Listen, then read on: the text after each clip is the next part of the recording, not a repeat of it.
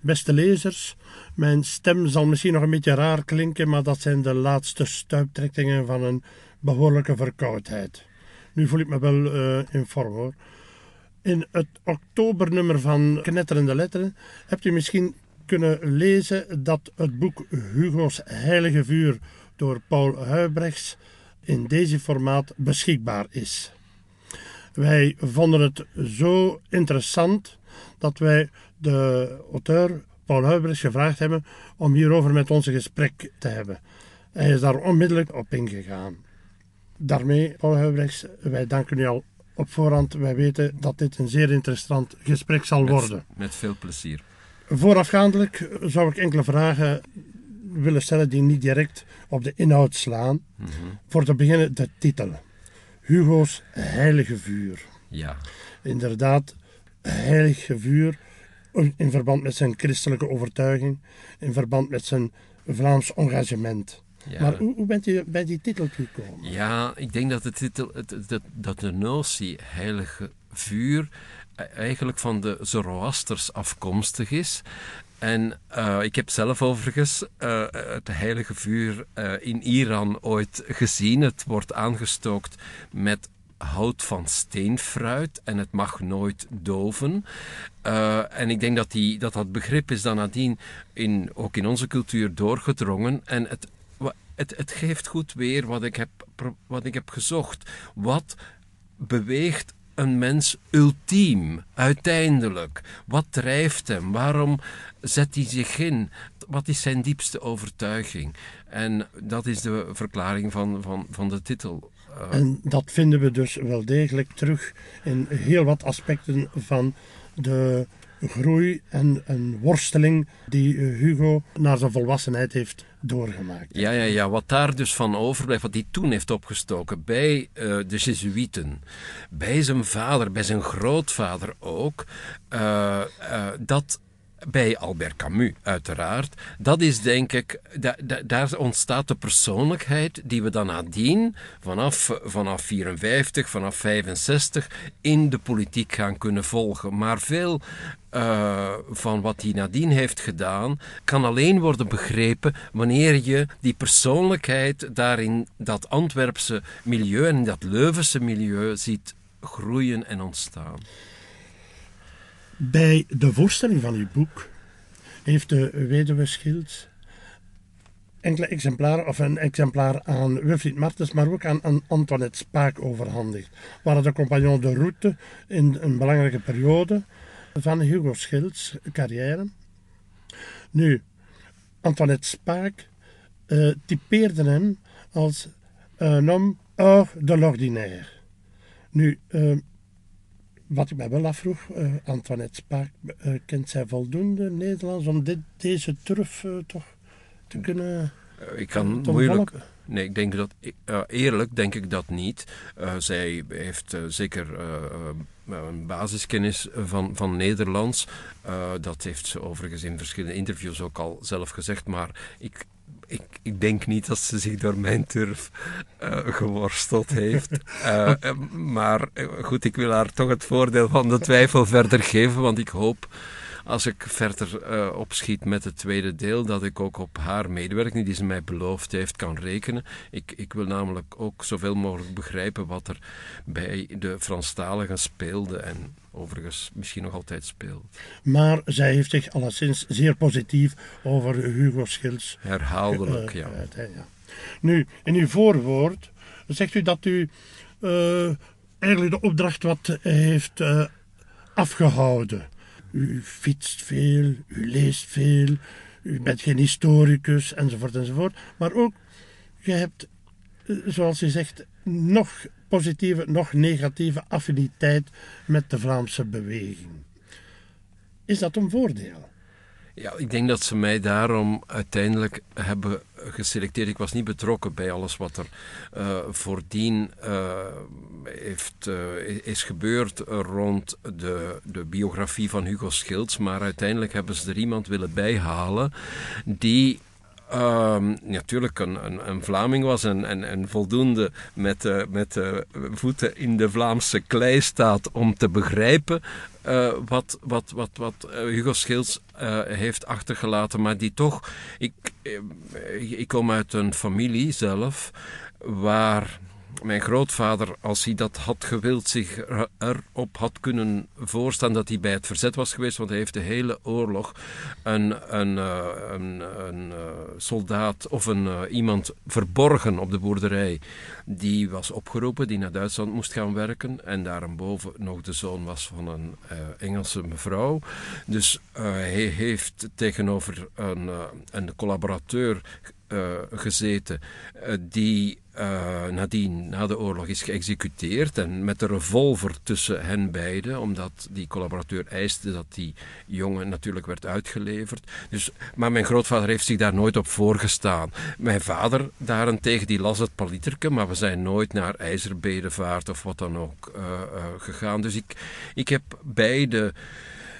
Als ik op de oorlog, als ik ervan uitga dat de oorlog toch uh, zelfs degene zoals ik die na de oorlog zijn geboren, dat we daar toch nog veel van meedragen, dan draag ik zowel uh, een, een beetje verzet mee als een, een beetje collaboratie. Dus uh, u bent waarschijnlijk ook in de ogen van de familie Schilds de best geplaatste om een beetje van op afstand die biografie aan te pakken. Ik meen te mogen zeggen, ik heb een bijna ontroerende brief gekregen na de publicatie van het boek, waarin ze mij echt hebben bedankt voor uh, wat ik heb met die dozen, want daar, daar begint het allemaal mee, met die dozen met vergeelde documenten, wat ik daarmee gedaan heb. Tijdens dat ik het boek aan het lezen was, tussen haakjes, beste lezers, 26 uur en 32 minuten, uh, als ik daarmee bezig was, had ik echt het gevoel over de schouders van Paul Huybrechts mee in het dagboek te lezen. En op regelmatige uh, momenten uh, kreeg ik duiding, kreeg ik een plaatsing van de tekst door uh, Paul Huybrechts. ik vond dat een zeer intieme manier van lezen. Ik denk eigenlijk mocht Hugo Schulz, die met zijn memoires eigenlijk toch bezig was, mocht hij zelf de memoires uh, uiteindelijk geredigeerd hebben, dat we een minder intimistisch beeld uh, zouden gekregen. Wat denkt u zelf? Uh, ja, toch, ik weet niet of ik het daar helemaal mee eens ben. Want um, ik denk dat hij ik heb geprobeerd, ik heb geprobeerd en, goed, hij was er niet meer, ik kon het hem uh, zelf niet meer vragen, maar ik heb toch geprobeerd om wat ik als zijn ultieme wilsbeschikking kon aflezen uit die documenten die mij werden overhandigd. Ik heb geprobeerd om die wilsbeschikking toch uh, zoveel mogelijk te respecteren. En ik, ik, ik, ik denk dat hij, uh, dat hij er zich zeer goed van bewust was, dat hij ook dingen achterliet die voor mensen die per se oude koeien uit de gracht willen halen of uh, delicate herinneringen willen oprakelen, dat hij daar grondstof aan gaf. Hè. Er staan verschillende uh, uh, ja, jeugdzonden, mag men dat misschien dan noemen, in het boek. Ook de, de, de, de hele evolutie van zijn, van zijn liefdesleven en van zijn emotionaliteit is, is um, ik, ik, heb het toch meegenomen omdat ik denk dat hij dat zo wilde. Misschien uit een vorm van narcissisme, wat toch elke politicus ook kenmerkt. Maar ik denk ook uit een vorm van authenticiteit. Ik denk dat hij wilde dat ik hem op die manier neerzette. Uh, omdat hij uh, uh, vooral toch ook geen monument, monument wilde zijn. Hij, ehm, hij wilde zo authentiek mogelijk blijven. En... Wel, ik denk dat we dat gekregen hebben. Een echt een authentieke uh, jonge man met al zijn perikelen, met voilà. al zijn groei- en, en evolutieproblemen. Ik denk, ja. dat, dat, ik denk dat, dat, dat, we dat zeker gekregen hebben. Nu, om op de inhoud uh, wat dieper te uh, kunnen ingaan. Hij komt dus uit een warm nest. Diep christelijk, maar ook met banden sinds generaties al in de Vlaamse beweging.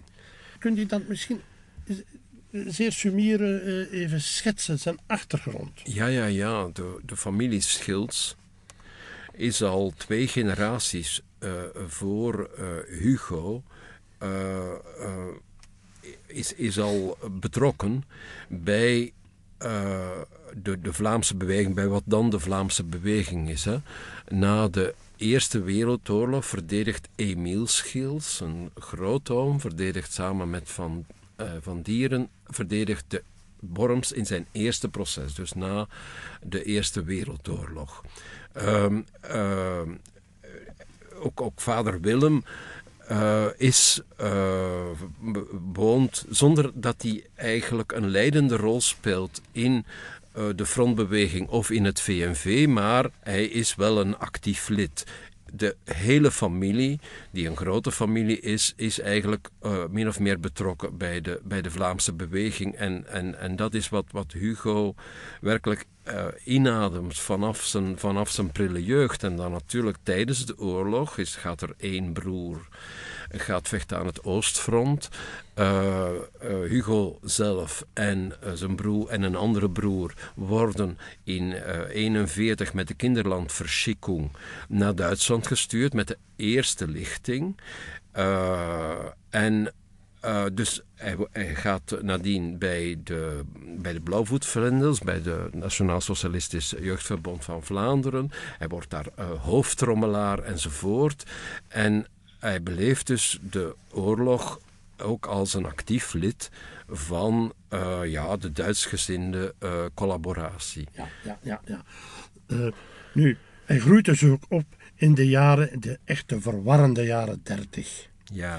Ik vind dat u daar ook een zeer overzichtelijk stuk hebt geschreven over die moeilijke periode toch, waar blijkbaar heel Vlaanderen naar het autoritaire gaat eh, evolueren. Zowel links met de man, die toch ook naar het autoritaire gaat, gaat over.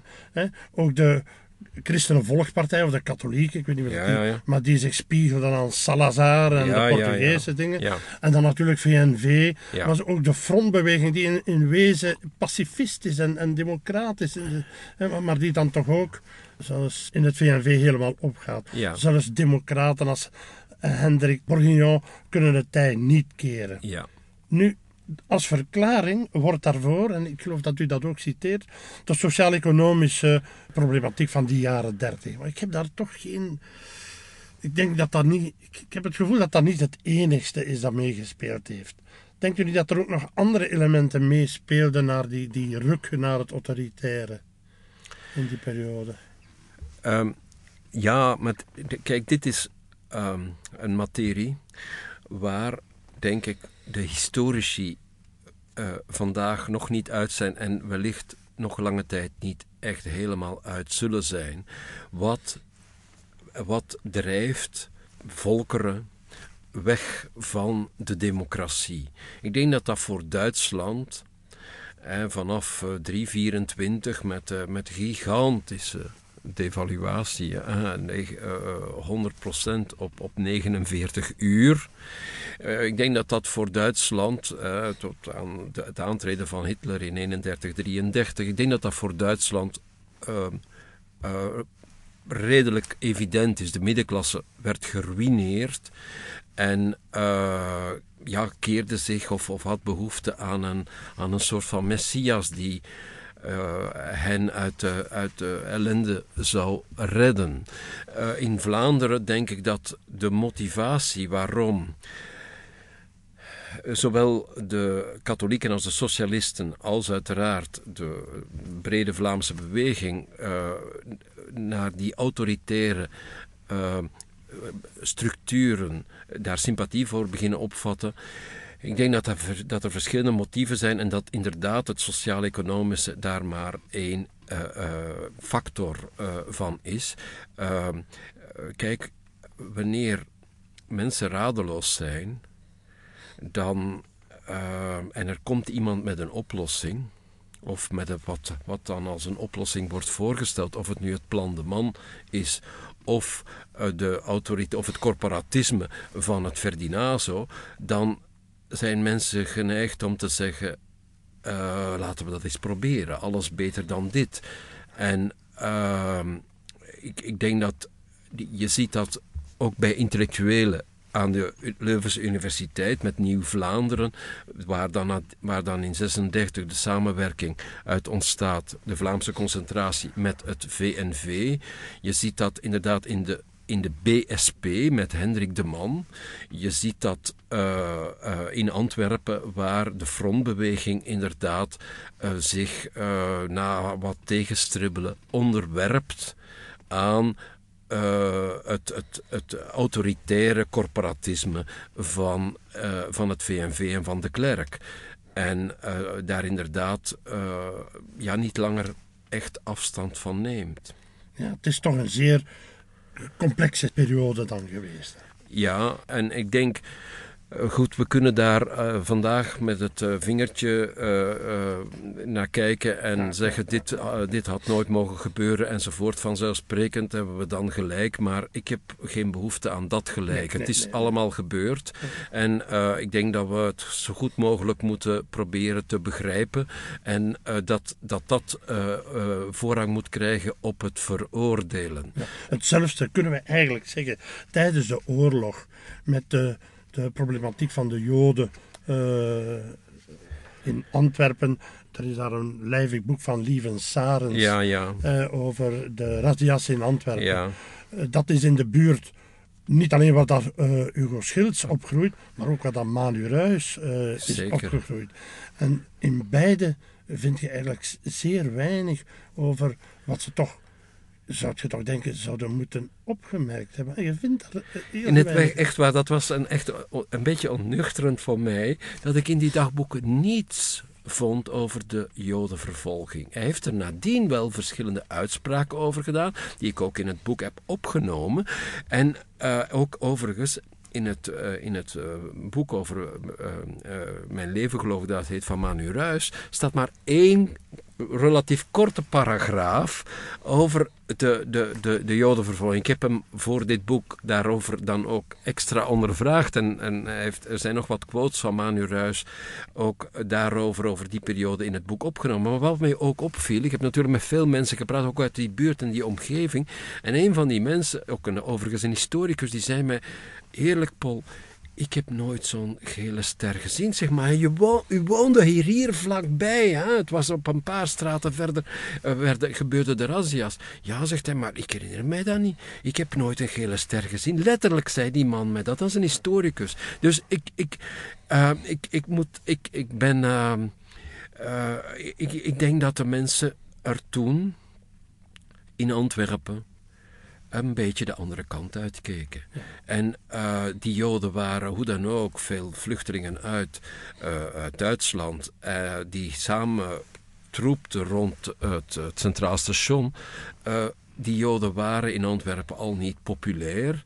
En ik denk dat men. zich weinig vragen stelde over de oplossing die de Duitsers voor die bevolking hadden. In dat verband schrijft je op een bepaald moment, dat is dan nog in april 40, schrijft Leopold III als hoofd van het Belgisch leger een brief naar, naar Hubert Pierlot.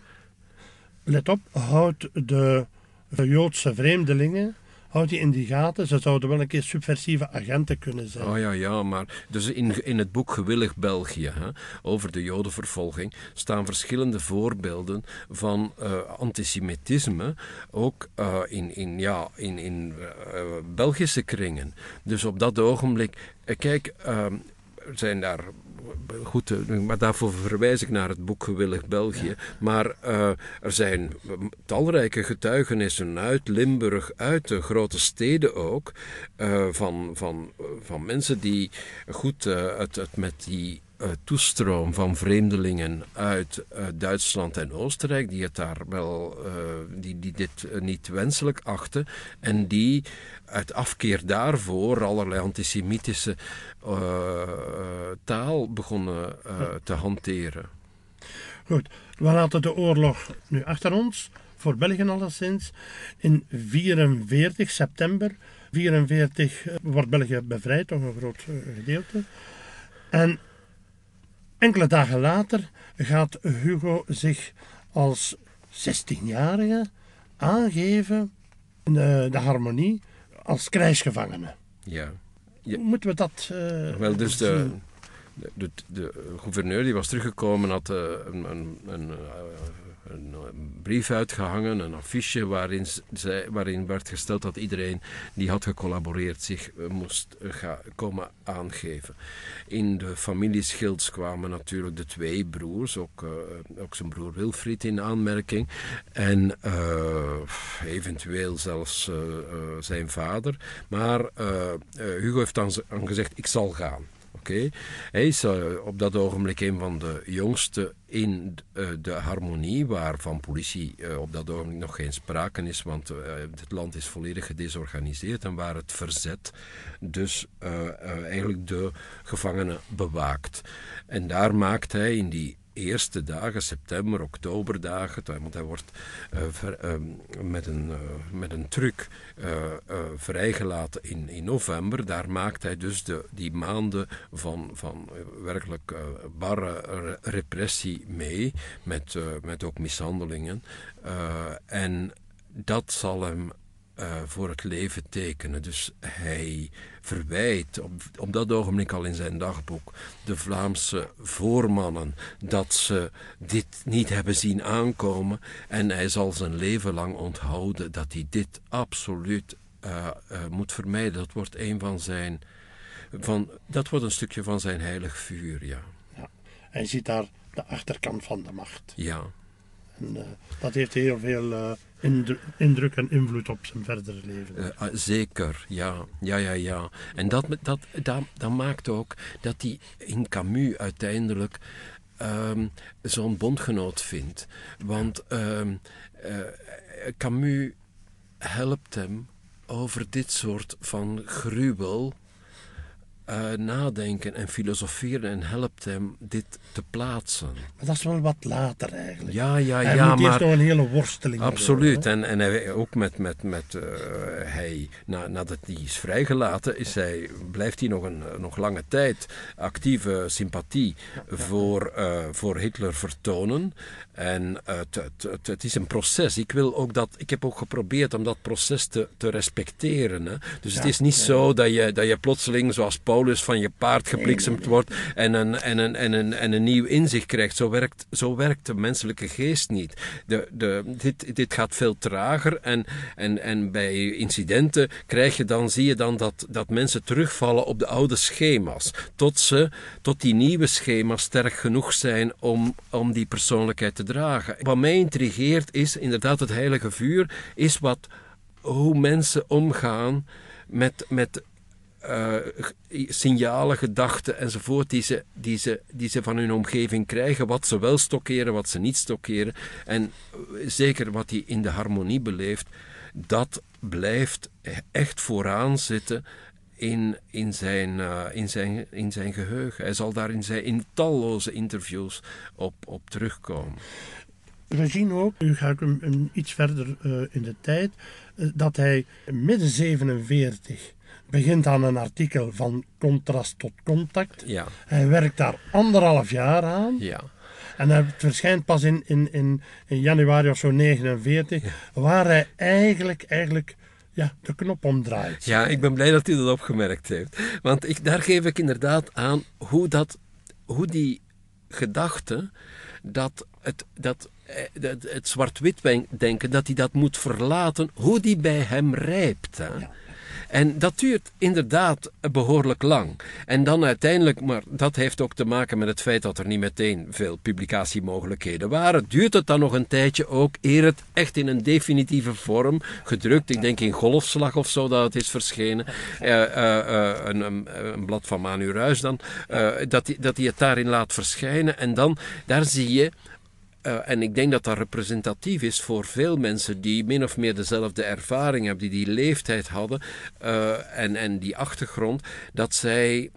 Um, dat ze hebben ingezien, kijk, we moeten het, denken dat ons door oorlog en bevrijding is ingeprent, we moeten dat durven verlaten, daaruit breken en uh, toch opnieuw zoeken wat ons verbindt.